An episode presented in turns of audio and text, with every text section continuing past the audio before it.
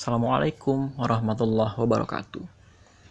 Rekan-rekan sekalian, kita akan kajian lanjutan mengenai penyebab kekalahan orang-orang Quraisy pada saat perang Badar. Di segmen yang lalu, kita telah membahas kurang lebih 4 atau 5 penyebab kekalahan pasukan Quraisy pada saat perang Badar. Pertama, tidak satu motif. Terus yang kedua, model kepemimpinan dan bentuk kepemimpinannya itu tidak pas. Ya, itu yang kedua dan ketiga. Terus yang keempat itu adalah adab-adab syurok dan adab-adab menerima masukan yang tidak diperhatikan. Dan terus yang terakhir adalah ini persoalan logistik. Nah ini ternyata sekarang masih ada lagi tuh faktor-faktor yang menyebabkan orang-orang Quraisy kalah. Ini ternyata bisa menjadi pelajaran buat kita. Oke. Rekan-rekan sekalian kalau masih ingat Rasulullah itu kan berdakwah itu kira-kira 13 tahun di kota Mekah itu suka dukanya banyak sekali. Tapi banyak petunjuk-petunjuk yang kemudian bisa kita gunakan. Ini bukan cocok logi tapi betul-betul adalah sebuah ilmu ya yang bisa kita gunakan untuk memprediksi ini bakal kalah nih di perang Badar orang-orang Quraisy. Mengapa? Faktor yang paling besar lagi adalah keraguan yang menimpa mereka. Pertanyaannya sederhana. Kalau kita ada di sebuah lembaga dakwah pernah nggak kita mempertanyakan bener nggak sih ini sebenarnya apa yang sedang saya perjuangkan ini? Ketika konflik tidak berujung, ketika program kerja kita nggak jelas sama sekali, ketika kemudian kiadahnya hilang-hilangan, anak-anak buah kita tidak kompeten dan lain sebagainya, kadang-kadang kita mempertanyakan, bener nggak sih ini yang saya sedang perjuangkan? Jangan-jangan musuh-musuh saya ini yang benar. Ternyata ini sudah dimulai sejak Abu Jahal, Uqbah bin Abi Mu'aidh, uh, Abu Sufyan, dan Utbah bin Rabi'ah mindik-mindik ya atau e, menyelinap diam-diam mendengarkan bacaan Rasulullah e, ketika Rasulullah sedang membaca Al-Qur'an di malam hari di rumahnya. Apa kata mereka? Ceritanya mereka itu masing-masingnya merapatkan telinganya ke dinding rumah Rasulullah. Satu di dinding depan, satu lagi di dinding belakang, satu lagi di mana gitu ya. Eh pagi-paginya menjelang subuh, Ternyata mereka bertiga itu papasan. Abu Jahal, papasan sama Abu Sufyan, papasan sama Utbah bin Rabi'ah. Nah, mereka bubar. Besoknya ketemu lagi. Abu Jahal, Abu Sufyan sama Utbah bin Rabi'ah. Udah ketemu sampai tiga kali, mereka mengatakan, udah ini jangan dikasih tahu ke siapa-siapa. Ini repot nanti kalau mereka mendengar kita mengintip atau kita menguping apa yang dibacakan oleh Muhammad. Akhirnya siangnya mereka saling berkunjung. Utbah bin Rabi'ah itu berkunjung kepada uh, Abu Sufyan. Ini bertanya dia kepada Abu Sufyan, "Eh, gimana menurut antum? Ini yang dibacakan oleh Muhammad itu apa ya?" Ini kebenaran, men, gitu kan. Ini ini bukan sihir, ini bukan bukan mantra, ini juga bukan puisi. Ya ini ini wahyu. Ah, oke, okay. coba kita tanya ke Abu Jahal yuk kan semalam dengerin juga tuh. Abu Jahal saat itu namanya Abal Hakam gitu ya, bapak kebijaksanaan. Amr bin Hisham. Main ke rumah Abu Jahal. Oke. Okay. Uh, eh, Abu Jahal ini gimana menurut antum? Ini yang dibaca oleh Muhammad semalam itu apa? Kata Abu Jahal, ya itu kebenaran. Kita semua tahu lah apa yang diomongin sama Muhammad itu kebenaran. Cuma orang bodoh aja itu yang mengatakan Muhammad salah. Oke. Okay. Terus gimana nih keputusan kita? Ngikut Muhammad atau enggak nih? Abu Jahal terpantik. Ya enggak lah, ngapain ngikutin Muhammad? Ah, kita lebih kuat, kita lebih dominan, kita lebih kaya dan lain sebagainya. Ngapain kita ngikutin Muhammad? Nah, dari sini nih mulai nih. Jadi sebenarnya mereka itu dalam hatinya sudah mengakui kebenaran Rasulullah. Artinya apa? Ketika mereka akhirnya memerangi Rasulullah, muncul keraguan dalam hati mereka. Sebenarnya yang sedang kita perjuangkan ini benar atau salah sih? Lata dan Uzza itu beneran Tuhan atau enggak sih? Nah gitu. Rasulullah tuh berhasil memenangkan perang opini tadi. Hancurlah mental mereka. Ya. Sejak awal, sejak Rasulullah itu bahkan belum berhijrah, Rasulullah itu masih di depan mereka sebagai warga sipil. Hancur mental mereka. Aduh, ini yang disampaikan Rasulullah tuh ya sebenarnya ya benar. Dia itu benar nabi gitu loh. Makanya ketika mereka itu mengumpulkan pasukan ke perang Badar, tidak semua orang sepakat. Dan akhirnya orang-orang yang bahkan tidak sepakat itu dipaksa oleh Abu Jahal untuk berangkat memerangi Rasulullah. Padahal hatinya itu diliputi keraguan. Makanya teman-teman sekalian, kalau kita menjalankan sebuah gerakan dakwah, tolonglah jangan menyepelekan keraguan yang hinggap di hati para jundi kita. Jangan sekali-kali menyepelekan keraguan-keraguan yang muncul dari rekan-rekan kita. Kalau sudah mulai muncul pertanyaan, ini sebenarnya yang sedang kita perjuangkan tuh benar atau tidak? Atau ketika konflik berlarut-larut sehingga kita sendiri jadi bingung, sebenarnya kita memperjuangkan apa sih di gerakan dakwah ini? Atau kita nggak bertanya seperti itu, tapi tubuh kita itu tidak bisa berbohong bahwa kita sebenarnya ragu-ragu. Rapat mulai terlambat, kita mulai mengutamakan organisasi lain, kita uh, mulai tidak menghormati syuro, kita mulai menganggap remeh. Itu menandakan bahwa kita sebenarnya mulai ragu-ragu dengan barisan dakwah ini. Tapi itu sunatullah. Sebagai kiadah lah yang harus peka. Ini ternyata kalau binaan kita tuh ragu-ragu, ya belum firm, belum benar-benar fix untuk mendukung, jangan dipaksa, yakinkan dulu. Ini misalnya terjadi ketika pemilihan ketua BEM. Kita syuro gitu ya di kampus, wah sepakat nih, asik nih kayaknya kalau kita dukung si Fulan. Tapi ternyata masih ada keraguan tuh di hati para peserta syuro. Tapi kadang-kadang kita abaikan, udahlah, taat aja, fikoh aja. Padahal sesungguhnya ini nanti akan menjadikan mereka-mereka itu tidak maksimal ketika mendukung calon ketua BEM kita atau bukan cuma ketua BEM nyari tempat daurah ya bikin daurah atau bikin acara aksi dan lain sebagainya sama nah itu itu faktor keraguan ya faktor keraguan itu yang ternyata menyebabkan pasukan Quraisy itu menjadi kalah berbeda jauh gitu ya ketika eh, orang-orang uh, Islam itu disuruh oleh perang oleh Allah Subhanahu wa taala. Dalam surat Al-Anfal ayat kelima, Allah Subhanahu wa taala berfirman, kama akhrajaka rabbuka min baitik bil haqq wa inna fariqam minal mu'minina lakarihun sebagian Rob, eh, sebagaimana Robmu menyuruhmu pergi dari rumahmu untuk berperang dengan kebenaran. Padahal sesungguhnya sebagian dari orang-orang beriman itu tidak menyukainya. Kenapa tidak menyukainya? Pertama takut kalah. Terus yang kedua ini aduh secepat ini perang akan datang ternyata. Nah gitu loh. Eh, tapi ternyata Allah menjamin kemenangan itu sehingga keraguan itu dalam proses mempersiapkan perang Badar itu hilang lama kelamaan. Tapi berbeda dengan orang-orang Quraisy, sampai dengan ketemu Rasulullah di perang Badar aja, itu masih ragu-ragu. Buktinya seperti yang sudah kita jelaskan di awal-awal tadi, yaitu mundurnya pasukan Bani Zuhrah dan pernyataan sikap dari Bani Abdul Syams. Bahwa sesungguhnya mereka itu menunjukkan sikap saya oposisi kamu, gitu loh. Saya adalah oposisi dari Abu Jahal. Itu kata Utbah bin Rabi'ah sebagai pemimpin Bani Abdul Syams. Sementara Abu Jahal sendiri selain dia adalah pemimpin Mekah, Abu Jahal adalah pemimpin dari Bani Makhzum. Ya, Bani Makhzum itu bani yang cukup besar. Isinya di antaranya Khalid bin Walid. Itu dari Bani Makhzum. Nah, ini susah gitu ya, ini susah. Nah, di antara uh, faktor kekalahan orang-orang Quraisy yang lain gitu ya satu mereka itu ada dalam keadaan lelah gitu ya lelah dan juga persiapannya sebetulnya juga tidak terlalu prima ya. Karena mereka berangkat dalam kondisi yang jauh sekali dan mereka kekurangan air. Sehingga mereka ada dalam kondisi lelah.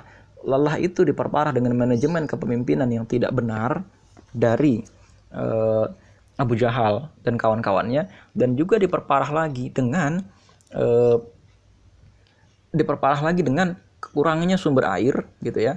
Dan diperparah lagi dengan jumlah pasukan yang terlampau besar. Diperparah lagi dengan jarak yang terlalu jauh intinya apa? Intinya salah strategi salah perhitungan.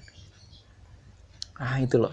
Ya itu yang tidak diperhitungkan sama sekali oleh orang-orang itu. Itu yang kemudian menjadi salah satu faktor utama dari kenapa pasukan Quraisy itu kalah total. Nah, penyebab selanjutnya adalah mereka itu kurang menganalisis siapa musuh mereka. Nah, ini makanya penting bagi seorang muslim untuk bisa menganalisis siapa sebenarnya musuh kita. Pertama, di mata orang-orang Quraisy, orang-orang muslim sama seperti mereka, terdiri dari bani-bani. Apalagi ya kan pasti ya di mata orang-orang Quraisy itu. Ini ada orang-orang Quraisy yang juga datang ke kota Madinah sebagai orang-orang muhajirin. Kira-kira jumlahnya 500 sampai 1000 orang kan itu terus sebagian di antara mereka 200 orangan lebih gitu ya, itu menjadi pasukan perang Badar. Sisanya sekitar 70 sampai 100 orang dari pasukan e, muslimin pada saat perang Badar adalah pasukan Ansor. Nah, bagi mereka penduduk Madinah juga sama terdiri atas bani-bani. Ada puluhan bani yang ada di kota Madinah lebih banyak daripada bani-bani yang ada di Mekah dan bani-bani itu bahkan baru saja terlibat perang besar yaitu perang Buat. Nah, tapi mereka tidak menyangka bahwa rekayasa sosial yang diciptakan oleh Rasulullah berupa yang pertama sistem persaudaraan, ya, yang kedua piagam Madinah, ya, terus yang ketiga e, dibentuknya Masjid Nabawi.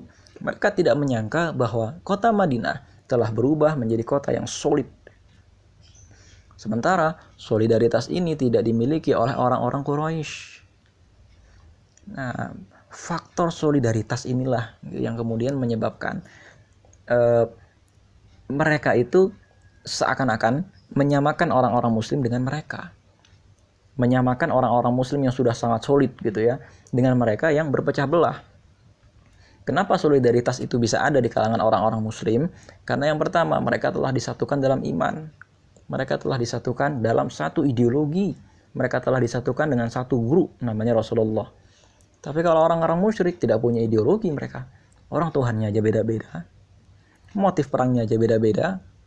Dan mereka akhirnya apa? Salah strategi. Mereka tidak mengenali siapa musuh mereka sebenarnya. Mereka tidak mengenali itu. Nah, itu ya. Jadi, eh, rekan-rekan sekalian, ini penting bagi gerakan dakwah kita agar jangan seakan-akan gerakan dakwah kita itu seakan-akan ketika kita sudah membela Allah, udah selesai semua urusan. Enggak begitu juga. Rasulullah tetap tunduk kepada sunat Allah. Dan Allah juga menciptakan sebab-sebab kekalahan bagi pasukan Quraisy. Itu yang tidak eh, apa namanya yang tidak direnungkan oleh kebanyakan orang. Sebab-sebab kekalahan itulah yang harus kita uh, teliti lebih jauh. Sebenarnya apa ya yang menyebabkan orang-orang Quraisy itu kalah? Faktor selanjutnya yang tidak kalah penting adalah faktor pertolongan Allah yang didatangkan kepada kaum muslimin yang tidak didatangkan kepada orang-orang musyrik. Pertolongan Allah yang datang berupa mukjizat kepada orang-orang muslim di antaranya yang pertama, turun rasa kantuk. Sehingga orang-orang muslim itu merasa tentram sekali ketika berperang. Yang kedua, turun hujan yang membuat orang-orang muslim itu lebih tenang juga dan e, pasir itu memadat sehingga langkah mereka tidak terperosok. Yang kedua, ketika Rasulullah melemparkan pasir, pasir itu kan kemudian mengenai mata orang-orang Quraisy. Yang ketiga, turunnya pasukan malaikat berbaris-baris kurang lebih jumlahnya seribu malaikat yang langsung membunuh pada saat perang Badar. Sampai ada cerita, ya ada seorang sahabat Nabi menebas, tapi dia sadar pedang saya ini belum sampai ke kepala dia. Tapi kepala dia ternyata udah copot duluan. Bukan pedang saya yang menebas. Siapa ini? Ternyata malaikat. Atau cerita dari Abbas bin Abdul Muthalib yang ditawan oleh seorang ansor. Rasulullah e, bilang, "Wih, itu paman saya. Kenapa engkau tawan?" E, si orang ansor ini bilang, "Pokoknya saya menawan orang ini." Tapi kata Abbas, "Yang menawan saya tadi bukan antum. Yang menawan saya tadi adalah orang yang tinggi, besar, putih, pakai baju putih, botak orangnya, tidak seperti antum." Ternyata dalam pasukan muslim tidak ada orang yang seperti digambarkan oleh Abbas Akhirnya kata Rasulullah, itu malaikat yang menawan dia. Nah, kenapa? Kita bisa mempelajari satu hal dari sini. Pertama, penyebab utama kekalahan atau penyebab utama kegagalan satu gerakan dakwah adalah ketika ternyata kita itu sudah tidak lagi ada di satu kondisi yang layak ditolong oleh Allah. Sehingga apa? Pertolongan-pertolongan Allah juga nggak akan datang percaya nggak ketika kita misalnya ya hari ini berdoa ya Allah saya pada bulan sekian akan mengadakan daurah tapi uangnya masih min 100 ribu. Karena apa? Gerakan kita juga masih punya utang nih sama kader 100 ribu. Ternyata Allah mengirimkan saat itu bantuan berupa pasukan malaikat. Apa bantuan itu? Malaikat Mikail yang oleh Allah diserahi tugas untuk mendistribusikan rezeki sebagai Kementerian Keuangan atau sebagai Kemensos atau kira-kira sebagai kemendesanya Rasulullah membagi-bagikan rezeki. Malaikat Mikail bekerja pada saat itu mengalirkan dana dari sumber yang halal kepada donatur. malaikat Mikail betul membisikkan kepada donatur, "Eh, ini bukan uang kamu, ini uang taruhlah ke daurah itu." Itu bantuan dari malaikat, pertolongan berupa malaikat yang diturunkan oleh Allah. Nah sekarang kita mencapai nggak sebab-sebab alasan logis dan alasan kuat yang mau tidak mau Allah harus menolong kita. Sebagaimana bantuan yang datang kepada Rasulullah. Tidak seperti orang-orang Quraisy. Sudah mereka itu tidak beriman kepada Allah dalam tanda kutip. Ini materialis orang-orang Quraisy itu. Mereka itu ketika ketika berperang dengan Rasulullah memang selain imannya memang tidak kepada Allah, memang mereka itu orang musyrik gitu ya. Memang mereka itu materialis, menyandarkan kemenangan-kemenangan dakwah itu atau mereka itu menyandarkan kemenangan-kemenangan peperangan, kemenangan pekerjaan mereka dengan penyebab-penyebab yang sifatnya material. Nah, gitu loh. Ini yang yang tidak kita pahami. Ini malaikat itu kan bekerja membantu Rasulullah. Dan mereka mengira orang-orang musyrik itu mengira malaikat membantu mereka. Ah dari sini udah mulai kelihatan gitu loh. Tanda-tanda kemenangan itu akan akan datang ke siapa? Nanti ketika kita maju berperang yang akan membunuh musuh kita yang akan melenyapkan musuh kita itu bukan kita. Malaikat-malaikat yang dikirim oleh Allah Subhanahu wa taala tapi kenapa malaikat itu seakan-akan tidak datang gitu ya? Dan memang tidak datang kepada orang-orang Quraisy. Mengapa? Karena memang selain gara-gara imannya itu bukan kepada Allah dan Rasulnya, memang kalau yang bisa kita ambil ibrohnya di zaman sekarang, jangan-jangan gerakan dakwah kita itu memang belum sesuai dengan keinginan Allah. Kita mengira berjuang untuk Allah sehingga ada satu adegan di kitab Sirah Ibnu Hisham itu yang cukup menarik. Abu Jahal itu berdoa, "Ya Allah, kalau memang Muhammad itu benar atau tunjukkanlah siapa yang benar hari ini. Itu doanya Abu Jahal. Lucunya begitu. Karena kan memang orang-orang Quraisy itu kan beriman kepada Allah tapi tidak dengan iman yang benar. Wa ma qadarullah haqqa. Kan gitu. Mereka tidak mengimani Allah sebagaimana uh, haqqa. Sebagaimana ketentuan yang benar. Tapi dalam surat Az-Zumar juga dalam ayat yang lain dikatakan wala ing tahum man khalaqas samawati wal ardo la Allah. Kalau mereka ditanya siapa yang menciptakan langit dan bumi, Allah jawabannya. Hanya mereka tidak mengimani dengan cara yang benar. Nah, jangan-jangan kita selama ini ketika bertempur di medan laga jihad kita tidak mengimani Allah dengan cara yang benar sehingga pertolongan Allah itu belum datang kepada kita. Nah, jadi rekan-rekan sekalian, kira kira ini menarik sekali ya. Eh, pembahasan faktor penyebab kekalahan orang-orang Quraisy. Rata-rata kan yang dibahas itu sisi heroiknya perang Badar. Gitu ya, sisi Yaumul Furqan ini adalah pembeda antara kemusyrikan, kemunafikan dan juga dengan keislaman. Tapi saya di sini ingin mengetengahkan satu pembahasan yang mungkin bisa menjadi satu insight menarik. Mengapa orang-orang Quraisy itu kalah? Apa faktor-faktor sunatullah? Apa faktor-faktor yang bisa kita tiru di zaman sekarang agar kita tidak mengulangi penyebab kekalahan dari orang-orang Quraisy. Allah alam bisawab. Rekan-rekan sekalian. Yang mudah-mudahan lembaga dakwah kita uh, bisa menciptakan sebab-sebab kemenangan dan menghindari sebab-sebab kekalahan itu. Assalamualaikum warahmatullahi wabarakatuh.